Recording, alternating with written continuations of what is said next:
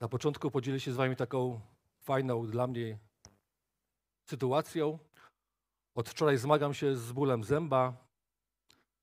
Yy, pomimo przyjmowanych leków bardzo mi dokuczał. Nie spałem dzisiaj większość nocy. Może trochę z, od zęba, może trochę ze stresu, że tutaj dzisiaj będę przemawiał. Ale gdy szedłem w uwielbienie na spotkaniu, gdy zacząłem wielbić Pana, Boża obecność sprawiła, że nie czuję tego bólu teraz. Chwała Panu. Myślę, że przez to, przez to Bóg pozwoli mi przekazać to, co chcę powiedzieć w Jego imieniu.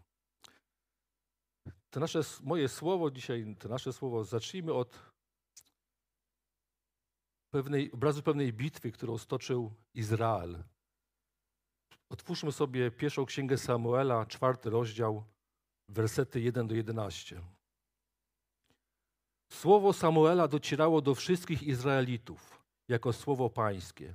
W tym czasie Filistyni zgromadzili się, by walczyć przeciw Izraelitom. Izraelici wyruszyli do walki z Filistynami. Rozbili oni obóz koło Ebenhazer, natomiast Filistyni rozbili obóz w Afek. Filistyni przygotowali szyki bojowe przeciw Izraelitom i rozgorzała walka. Izraelici zostali pokonani przez Filistynów, także poległo na pobojowisku na równinie około czterech tysięcy ludzi. Po powrocie ludzi do obozu starsi Izraela stawiali sobie pytanie: Dlaczego Pan dotknął nas klęską z ręki Filistynów? Sprowadźmy sobie tutaj arkę przymierza pańskiego Shilo, ażeby znajdując się wśród nas, wyzwoliła nas z ręki naszych wrogów. Lud posłał więc do Shilo i przywieziono stamtąd arkę przymierza Pana zastępów, który zasiada na cherubach.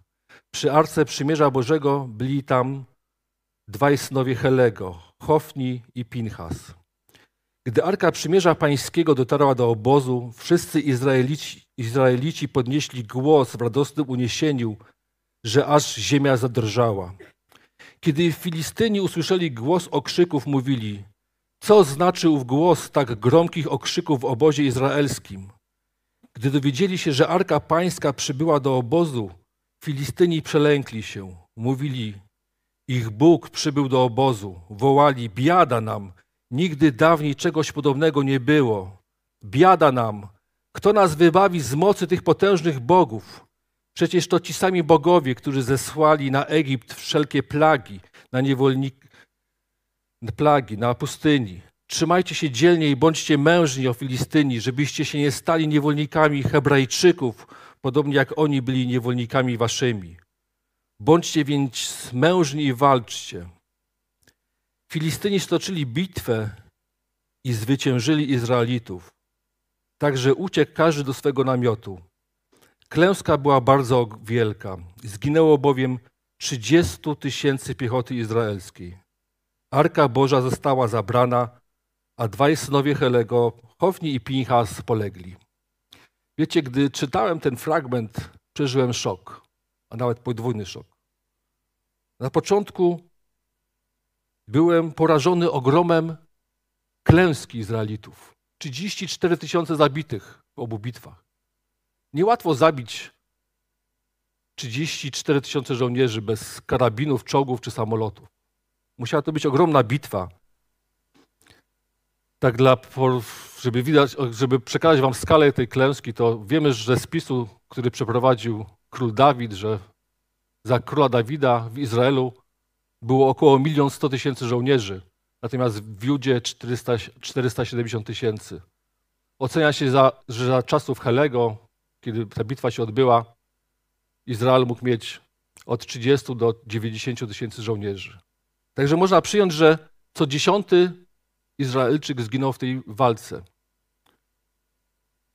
Drugą rzecz, jaka mnie uderzyła, także dwa razy przeczytałem ten fragment, to to, że czytając za pierwszym razem, kiedy zacząłem czytać o okrzyku, który znieśli Izraelici, o tym strachu, którzy, których dopadł Filistynów, myślałem, że sprawa jest załatwiona. Jest arka, jest okrzyk. Izrael wchodzi do walki i wygrywa. Tymczasem w następnym zdaniu jest napisane, że przegrali. 30 tysięcy żołnierzy, pieszych żołnierzy zostało zabitych i każdy uciekł do swojego namiotu. Ogromna to była klęska. W tej bitwie Izrael, Izraelici zastosowali znaną sobie taktykę, która zawsze dawała im zwycięstwo.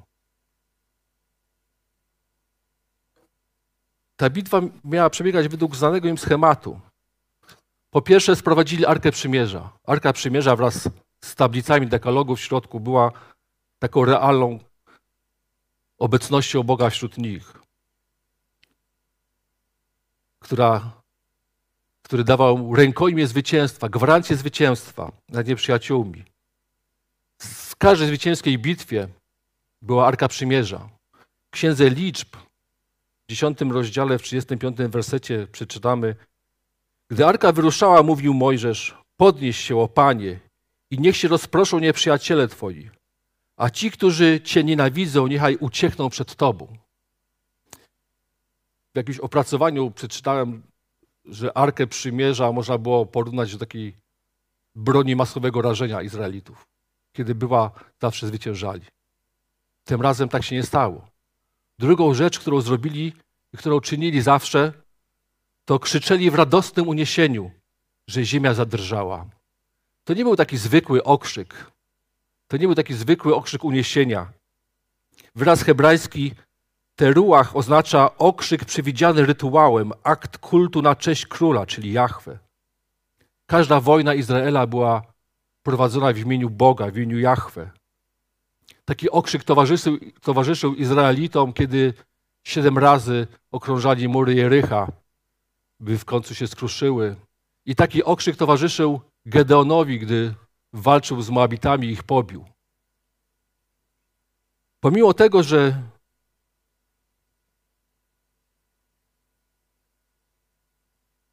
ten okrzyk musiał być potężny, skoro zaprawieni w boju Izraelici, którym nie pierwszy raz była to bitwa, tak bardzo się przelękli, że blisko byli ucieczki. Ale pomimo tego, że była Arka Przymierza, był wzniesiony ten okrzyk, Izrael poniósł klęskę. Co nie zadziałało? Co tym razem nie, nie wyszło, nie, nie zadziałało? Odpowiedź, dlaczego Izrael tę klęskę, możemy przeczytać, możemy dowiedzieć się od y, rozdział wcześniej, w trzecim rozdziale Księgi Samuela. Bóg przez usta proroka mówił, że ukaże Izrael za grzeszne postępowanie kapłanów. Hojni i Pinchas, synowie Helego, sprzeniewierzyli się swojej posłudze. Odwrócili się od Boga, nie słuchali Go. Ich służba w świątyni była tylko wypełnieniem, wypełnianiem jakiegoś rytuału, obrządku. Nie mieli relacji z Bogiem, nie, słysza, nie słuchali głosu Boga. Nie słuchali Samuela, nie słuchali swojego ojca Helego. Czy można było odwrócić tę bitwę? Czy można byłoby zmienić jej losy? Myślę, że tak. Nieraz Bóg odwracał karę, zatrzymywał karę. Gdyby synowie Helego, kapłani, którzy prowadzili Arkę Przymierza, słuchali głosu Pana, gdyby mieli relacje, a nie postępowali tylko według własnego obrządku, można by było zatrzymać tą klęskę. Gdyby uczynili pokutę, myślę, że Bóg, który nie jest zawzięty w swoim gniewie, odpuściłby im. Jak to ma się do nas, obecnych tutaj teraz? W, pierwszym liście Piotra, w drugim rozdziale, w wersetach 9 i 10 czytamy. Wy zaś jesteście wybranym plemieniem królewskim, kapłaństwem, narodem świętym ludu Boga na własność przeznaczonym, abyście ogłaszali dzieła potęgi te, tego, który was wezwał z ciemności do przedziwnego swojego światła. Wy, którzyście byli nie ludem, teraz zaś jesteście ludem Bożym, którzyście nie dostąpili miłosierdzia, lecz zaś jako ci, którzy miłosierdzia doznali. Nie ma już świątyni, nie ma już Arki Przymierza, nie ma już zasłony przybytku, nie ma już pośrednika między Bogiem a ludźmi. Dzięki Jezusowi Chrystusowi, Jego ofierze, mamy bezpośredni dostęp do Boga. Mamy bezpośredni dostęp do tronu łaski. Jesteśmy kapłanami.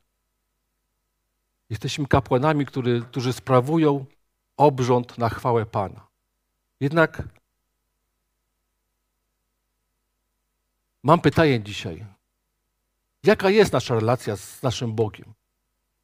Czy jesteśmy na bieżąco z tym, co mówi Duch Święty do nas? Czy nasz kult jest tylko takim obrządkiem ułożonym przez nas? Czy relacja z Jezusem zmienia nasze życie?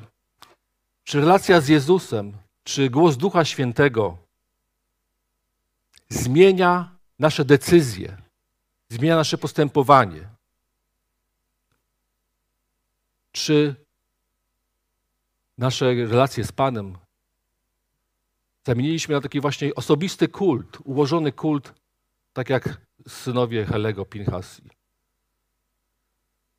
i Hofi. Mam kontakt z Biblią, czytam, może nieregularnie, chodzę na spotkania niedzielne, może nie zawsze. Może pewnie trochę gorzej jest ze spotkaniami dodatkowymi, które organizuje Kościół. Nie jestem na wszystkich, ale może, ale na niektórych jestem. Do tego mam uporządkowane życie, doskonały kodeks moralny. Nie piję, nie palę, nie grabię. Już przy tym mogę się poczuć jak kapłan, a nawet arcykapłan. A jeżeli do tego dodam zdrowy styl życia, który prowadzę, diety, które, które mam, nawet mogę poczuć się przez moment jak nieśmiertelny. Ale czy o to chodzi? W Ewangelii Marka w siódmym rozdziale 6b do 7 czytamy Ten lud, lud czci mnie wargami, lecz sercem swym daleko jest ode mnie. Ale czci mnie na próżno, uczą, ucząc zasad podanych przez ludzi. Ale czci mnie na próżno, ucząc zasad prowadzić, y, podanych przez ludzi.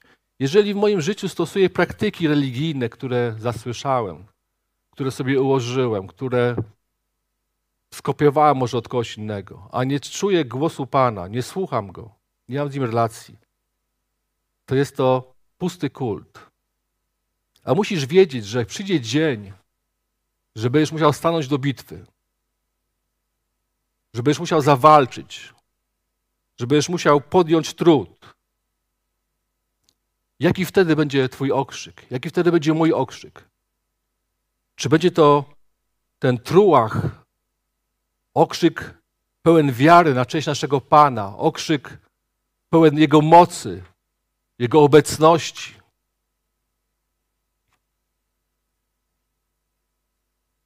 Doczytałem, że y, ten okrzyk trułach y, w niewoli babilońskiej, w której potem znalazł się Izrael, zamienił się w taki zwykły okrzyk obrzędowy. Także jaki będzie Twój okrzyk? Czy będzie to trułach, żywy okrzyk oznaczający wiarę, czy to będzie okrzyk taki z niewoli babilońskiej. Wiedz na, wiedz na pewno, że kiedy przyjdzie próba, kiedy przyjdzie walka, nasze ludzkie zasady, które stosujemy w naszym życiu, nie zadziałają.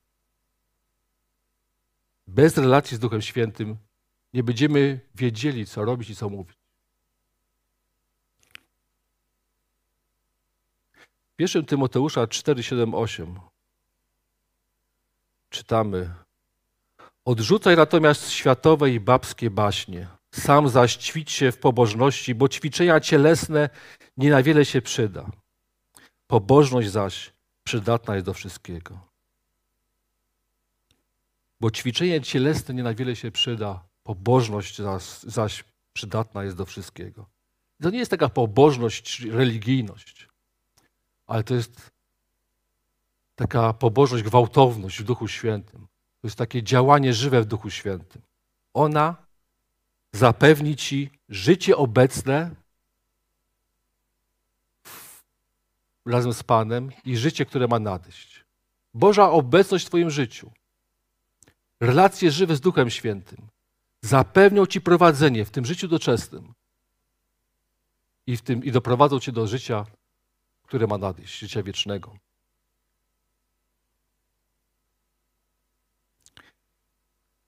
Niewiele przydadzą się do kondycji człowieka duchowego wszystkie dobre rzeczy, które czynisz. Diety, styl życia, jakieś no, mądrości, które przyswajamy, nie przydadzą się w naszym życiu z Panem.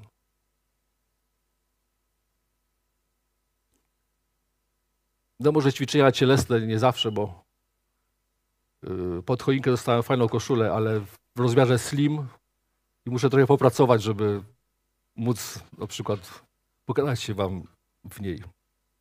Nie bądź kapłanem według własnego obrządku, ale bądź na bieżąco z Duchem Świętym.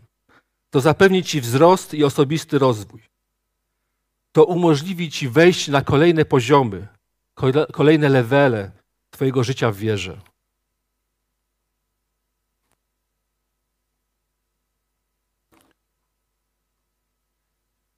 List do Galatów, 5 rozdział 16-18. Oto czego uczę. Postępujcie według ducha, a nie spełnicie pożądania ciała. Ciało bowiem do czego innego dąży niż duch, a duch do czego innego niż ciało. I stąd nie ma między nimi zgody. Także nie czynicie tego, co chcecie. Jeśli jednak pozwolicie prowadzić się duchowi, nie znajdziecie się w niewoli prawa. Jeśli jednak pozwolicie prowadzić się duchowi świętemu, nie znajdziecie się w niewoli własnego obrządku. Nie znajdziecie się, nie znajdziecie się w niewoli własnych reguł, które sobie ułożyliście i które stosujecie. Gdy spotykasz się z Bogiem, nie musisz mówić, że się spotkałeś, bo wszyscy widzą to po Twoim zachowaniu, po zmianach, jakie czyni spotkanie z Duchem Świętym, po zmianach, jakie w Twoim życiu, jakie czyni poddanie się Jego woli jeżeli słyszy Jego głos. Relacje z Duchem Świętym uświęcają nas i zmieniają. Jeśli przez lata trwasz w sporze z członkiem rodziny, jeśli przez lata trwasz w nieprzebaczeniu z bratem lub siostrą w kościele, to nie możesz mówić, że masz relacje żywe z Duchem Świętym, które zmieniają. Zdarza nam się zgrzeszyć, mi i wam.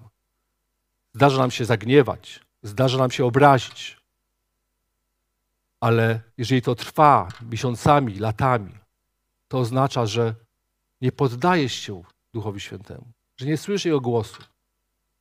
Bo niemożliwe jest, żeby mieć z Nim kontakt i nie wprowadzać zmian w swoim życiu. Bóg nieustannie daje nam dla nas nowe słowo, które powinno, powinno nas kształtować ma nowe obdarowania, które nas ubogaca.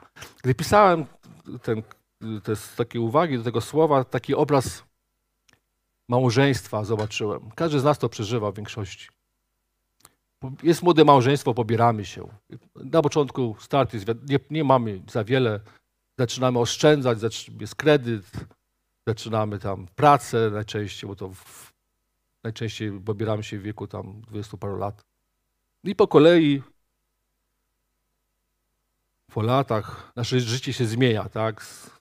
Spłacamy kredyt, zaczynamy mieć oszczędności, przychodzi jakiś tam dobytek, pojawia się samochód, oszczędności w złocie, w euro, w walucie obcej innych dolarach lub y, w złocie, ten, w diamentach, co niektórzy. Pojawia się samochód, raz w roku wjeżdżamy na porządne wakacje za granicę. Nie mówię to o tych skromnych do Chorwacji. W pracy awansujemy, nasza wiedza procentuje, dostajemy nowe stanowiska, nowe tytuły, nowy prestiż. Nasze dzieci dorastają, mamy więcej czasu dla siebie. Ale nasz sposób myślenia się nie zmienia. Cały czas myślimy jak na początku. Cały czas oszczędzamy, cały czas Jesteśmy robotni w tej pracy, zabiegamy. Oszczędzamy na sobie. Ubieramy się w lumpeksach. Nie jest nic złego w lumpeksie się ubierać, ale chodzi to o styl życia. Oszczędzamy na sobie, chodzimy w samych ciuchach. Oczywiście nie ma tu mowy o jakiejś hojności czy wylewności na innych. I pomimo tego, że i to można porównać do człowieka duchowego, Ale też zdarza się to też fizycznie. Może znaleźliście się w chociaż kawałek tej, swojego życia w, tej, w tym obrazie. Że Bóg nas obdarowuje. Bóg daje nam, a my nie wiemy, jak to użyć, nie będąc z nim relacji. I gromadzimy to, nie potrafimy tego użyć. Mamy oszczędności, mamy ten, a nie, a cały czas żyjemy, bidujemy, nie potrafimy się cieszyć z przyjaciółmi, nie jesteśmy hojni, czy to na kościół, czy na inne sprawy. Bo w stylem życia żyjemy cały czas według naszych reguł, które sobie założyliśmy na początku, które miały nam pomóc, a których staliśmy się niewolnikami. Dlaczego? Bo nie wpuściliśmy świeżego powiewu Ducha Świętego, Jego obrazu, Jego wizji.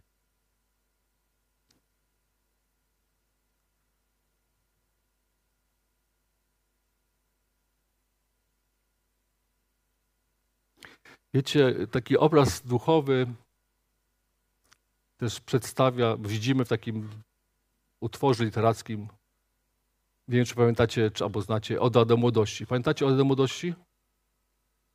Pamiętacie. Nie? Wiecie, często,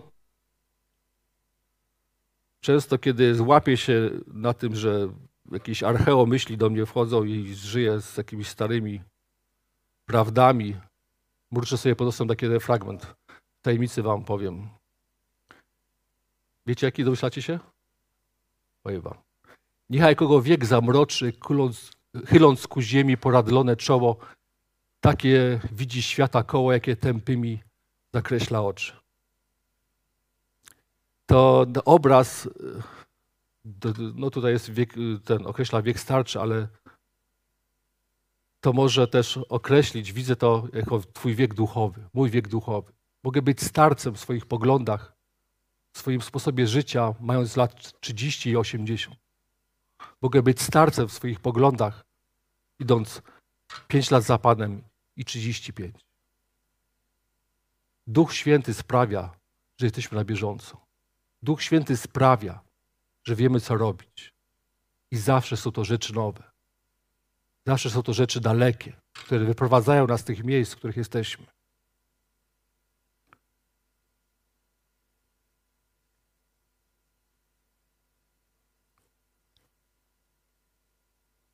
Boże błogosławieństwo rodzi wdzięczność, a wdzięczność rodzi hojność. Nie możemy być na bieżąco z Duchem Świętym w naszych osobistych relacjach, jeżeli nie jesteśmy na bieżąco z Duchem Świętym, który działa w Kościele. To jest jeden i ten sam Duch. Ten sam Duch mówi do ciebie, gdy modlisz się do Niego w domu, i ten sam Duch mówi do ciebie poprzez usta pastora, poprzez Jego wizję i to na spotkaniu poprzez proroctwa, poprzez tłumaczenie języków. Ten sam Duch nas prowadzi, indywidualnie i w Kościele. Wczoraj byłem na takich warsztatach chrześcijańskich i taką rzecz, taką fajne zdanie przecytuję. No, chciałem, żeby było moje, ale prawa autorskie są prawami autorskimi. Jest to zdanie jednego pastora, który był obecny na tym spotkaniu. Królestwo Boże jest ponadnaturalne, a dary duchowe są częścią Kościoła, nie opcją. Dary duchowe towarzyszą naszemu Kościołowi. One są. One działają. Duch Święty nas działa. To nie jest opcja, że jeden Kościół może być taki, drugi taki, że w parzystej niedzielę Duch Święty działa, w parzyste, nieparzyste jest wizja naszego pastora się objawia. Duch Święty działa nieustannie. Duch Święty pobudza nas nieustannie do nowego myślenia i działania. 1 Koryntian, 12, 12 rozdział, wersety 12-13 przeczytamy. Podobno jak jedno jest ciało, choć składa się z wielu członków, a wszystkie członki ciała, mimo iż są liczne, stanowią jedno ciało, tak też jest i z Chrystusem. Wszyscy bowiem w jednym duchu zostaliśmy ochrzczeni, aby stanowić jedno ciało, czy to Żydzi, czy Grecy, czy to niewolnicy, czy wolni. Wszyscyśmy też zostali napojeni jednym duchem. Wszyscyśmy też zostali napojeni jednym, tym samym duchem. Dlatego wypełnieni tym samym duchem powinniśmy, jedno, powinniśmy mieć jedność z Nim i z Kościołem. Drogą Kościoła, którą wyznacza pastor prowadzony przez Ducha Świętego. Amen? Teraz przydziobałem trochę. tak y, patrząc na Kościół, wyodrębniłem takie trzy postawy, też związane z kultem. Pierwsza postawa to kustosz. Możesz pielęgnować stare prawdy, które zostały ci objawione lat temu 15 czy 5. Możesz wspominać dni dawne, które Pan ci pokazał na tamten miniony czas. I rozpamiętywać to i rozramiać to w nieskończoność. A nie wchodzić w nowe drogi, w nowe cele i wizje, jakie Duch Święty stawia nam w Kościele. Zobaczyłem to na przykładzie chrztu. Wiecie, kiedyś byliśmy, szliśmy drogą, w którym chrzest, nie byliśmy przygotowani na ten chrzest, nie byliśmy gotowi. Ludzie chcieli się chrzcić i chcieli się w obcych kościołach. I chwała Panu, że tak robili. Teraz, kiedy mamy ten chrzest u nas, kiedy możemy zanurzyć się gdziekolwiek w basenie czy na dworze, w obecności Kościoła, mówimy, po co nam chrzest? Przecież uczyli nas kiedyś, że chrzest już jeden wystarczy. Duch Święty nie, że się zmienia zdanie, ale Duch Święty nas prowadzi etapami. Jeżeli pozwolisz mu się prowadzić, będziesz cały czas w progresie, będziesz cały czas w drodze, będziesz cały czas się rozwijał. Oprócz kustosza, drugą taką osobą, jaką zobaczyłem, czy postało w kościele, jest obserwator. Zawsze stoi z boku i obserwuje. Wie, kto się spóźnił, wie, kto ma tą samą koszulę co tydzień temu. Nie angażuje się w życie Kościoła. Czasami uczestniczy w spotkaniach, jeżeli uzna, że jest ono godne jego uwagi. Jeżeli uzna, że godne uwagi jest jakieś świadectwo, to je posłucha. Jeżeli uzna, że godne uwagi jest słowo, to je posłucha. Działa wybiórczo, obserwuje, nie angażuje się. Ale jest też i trzecia postawa zaangażowany. Zaangażowany, czyli pełen ducha, dynamiczny, energiczny, kreatywny, z inicjatywą, mobilny, z inwencją, ruchliwy z rozmachem, z gestem, witalny, hojny, skuteczny, z temperamentem, zaradny, żywiołowy i z zapałem. Te wszystkie synonimy, które przeczytałem tutaj, odnoszą się do słowa zaangażowany, ale jak bardzo pasują do naszej postawy w Kościele. Jak bardzo pasują do naszej postawy przed Panem. Jak bardzo pasują do tego, jaki powinniśmy, jakim jaką osobą powinniśmy być, żeby Kościół wzrastał, a razem z Nim.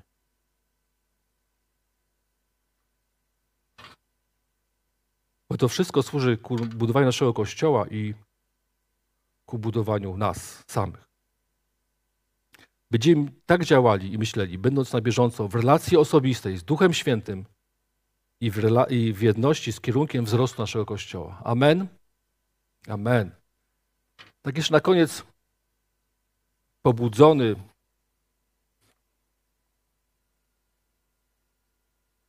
ostatnim słowem, tym fragmentem, właśnie nie wiem, czemu go nie przeczytałem, fragmentem z listu do Rzymian, 12 rozdział, drugi werset.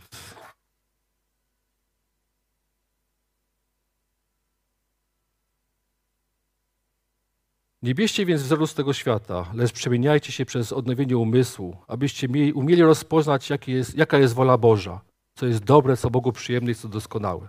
Czytałem ten fragment wcześniej? Nie. Uciekł mi, a taki ważny był.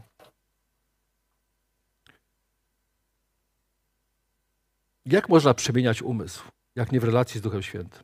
Jak można przemieniać myślenie, jak nie w relacji z Duchem Świętym? I podzielę się z wami taką jedną rzeczą. W tamtym roku Duch Święty przeprowadzał mnie przez wiele sytuacji, uczył mnie, nauczył mnie wiele nowych rzeczy, odkrył wiele nowych pokładów, wiele nowych, yy, nowych sytuacji. Były momenty trudne i, i radosne, zwycięskie. I pod koniec roku postanowiłem, miałem takie pragnienie, żeby dać ofiarę na Kościół. Nie mówimy często o pieniądzach w naszym Kościele. A może teraz zaczniemy. poruszony waszą hojnością ze sprzedaży, ze sprzedaży kawy, pamiętacie sprzedaż kawy? To była rewelacja po prostu. Pamiętam hojność waszą, kiedy ludzie, którzy nie piją kawy, kupowali po cztery opakowania z kultowym gestem reszty nie trzeba. To mi cały czas brzmi jeszcze w uszach. Reszty nie trzeba. Wasza hojność była niesamowita. I chcąc podziękować Bogu, wdzięczny za ogrom błogosławieństwa i Jego pomocy, postanowiłem dać ofiarę na Kościół. Mamy potrzeby, budujemy salę, każda złotówka się liczy. Może nie jest nic, nic nadzwyczajnego w tym, że chcemy dać ofiarę na Kościół, ale ja chciałem dać tą ofiarę, ale nie miałem pieniędzy. Był koniec roku, musi, musieliśmy zapłacić podatek VAT, musieliśmy dać pracownikom w firmie wypłaty i nagrody roczne. Na to też nie mieliśmy pieniędzy. Ale w moim sercu było pragnienie, żeby tak zrobić, żeby poprzez wiarę to zrobić. Zarobiliśmy, zarobiliśmy pieniądze, wystawiliśmy faktury, ale z ponad 60-dniowym terminem płatności. Te pieniądze miały do nas wpłynąć na początku marca. I wiecie, stał się cud. Przychodzimy w czwartek, w czwartek przed Nowym Rokiem przychodzimy do pracy i na koncie są te pieniądze. Firma, z którą współpracujemy 15 lat, która zawsze miała tak długie terminy płatności i w życiu nam zapłaciła wcześniej, a często było, że później, przelała te pieniądze dwa miesiące wcześniej. Jaka była nasza radość. Zrobiliśmy ten przelew, ale to nie wszystko. Najlepsze jest, wydarzyło się w tamtym tygodniu. W tamtym roku współpracowaliśmy z taką firmą przy jednym projekcie specjalistyczną. Nie mieliśmy wyboru. Ta firma projektowała instalację, nie było innej, musieliśmy ją wziąć. I była to fajna współpraca. Firma jako monopolista narzuciła nam wysoką cenę, niewspółmierną do tego, co miała nam zrobić. Traktowała nas tak obcesowo. Umowa pod jej dyktando była zawarta, nie było tam żadnych kar umownych, nic z tych rzeczy, trzeba było zapłacić za to, za to cokolwiek tam zrobili, musieliśmy zapłacić i tyle. No i dzwoni do mnie i Bóg sprawił, że w tej bezczelnej, nikczemnej firmie, bo tak, taki był styl ich, ich działania, nasz temat wziął pewien młody, wrażliwy człowiek, który pracował tam od niedawna. I dzwoni do mnie, w tamtym tygodniu dzwoni do mnie na poniedziałek, dzwoni do mnie i, no i mówi, że musimy porozmawiać o rozliczeniu. Ja tak myślę, dobra, no. Tak nie wiedziałem, czy po, po, wspomnieć mu, że może jakiś rabat dał 5% chociaż, albo ale gościu z drżącym głosem zaczyna do mnie mówić, zaczyna mnie przepraszać. Przeprasza, że tak nas potraktowali. Przeprasza, że musieliśmy walczyć o każdy kawałek, kawałek pomysłu, rozwiązania, że musieliśmy czekać, że nie, nie wiązali się w terminie z tego, co, na co byliśmy umówieni. I proponuje rabat 90%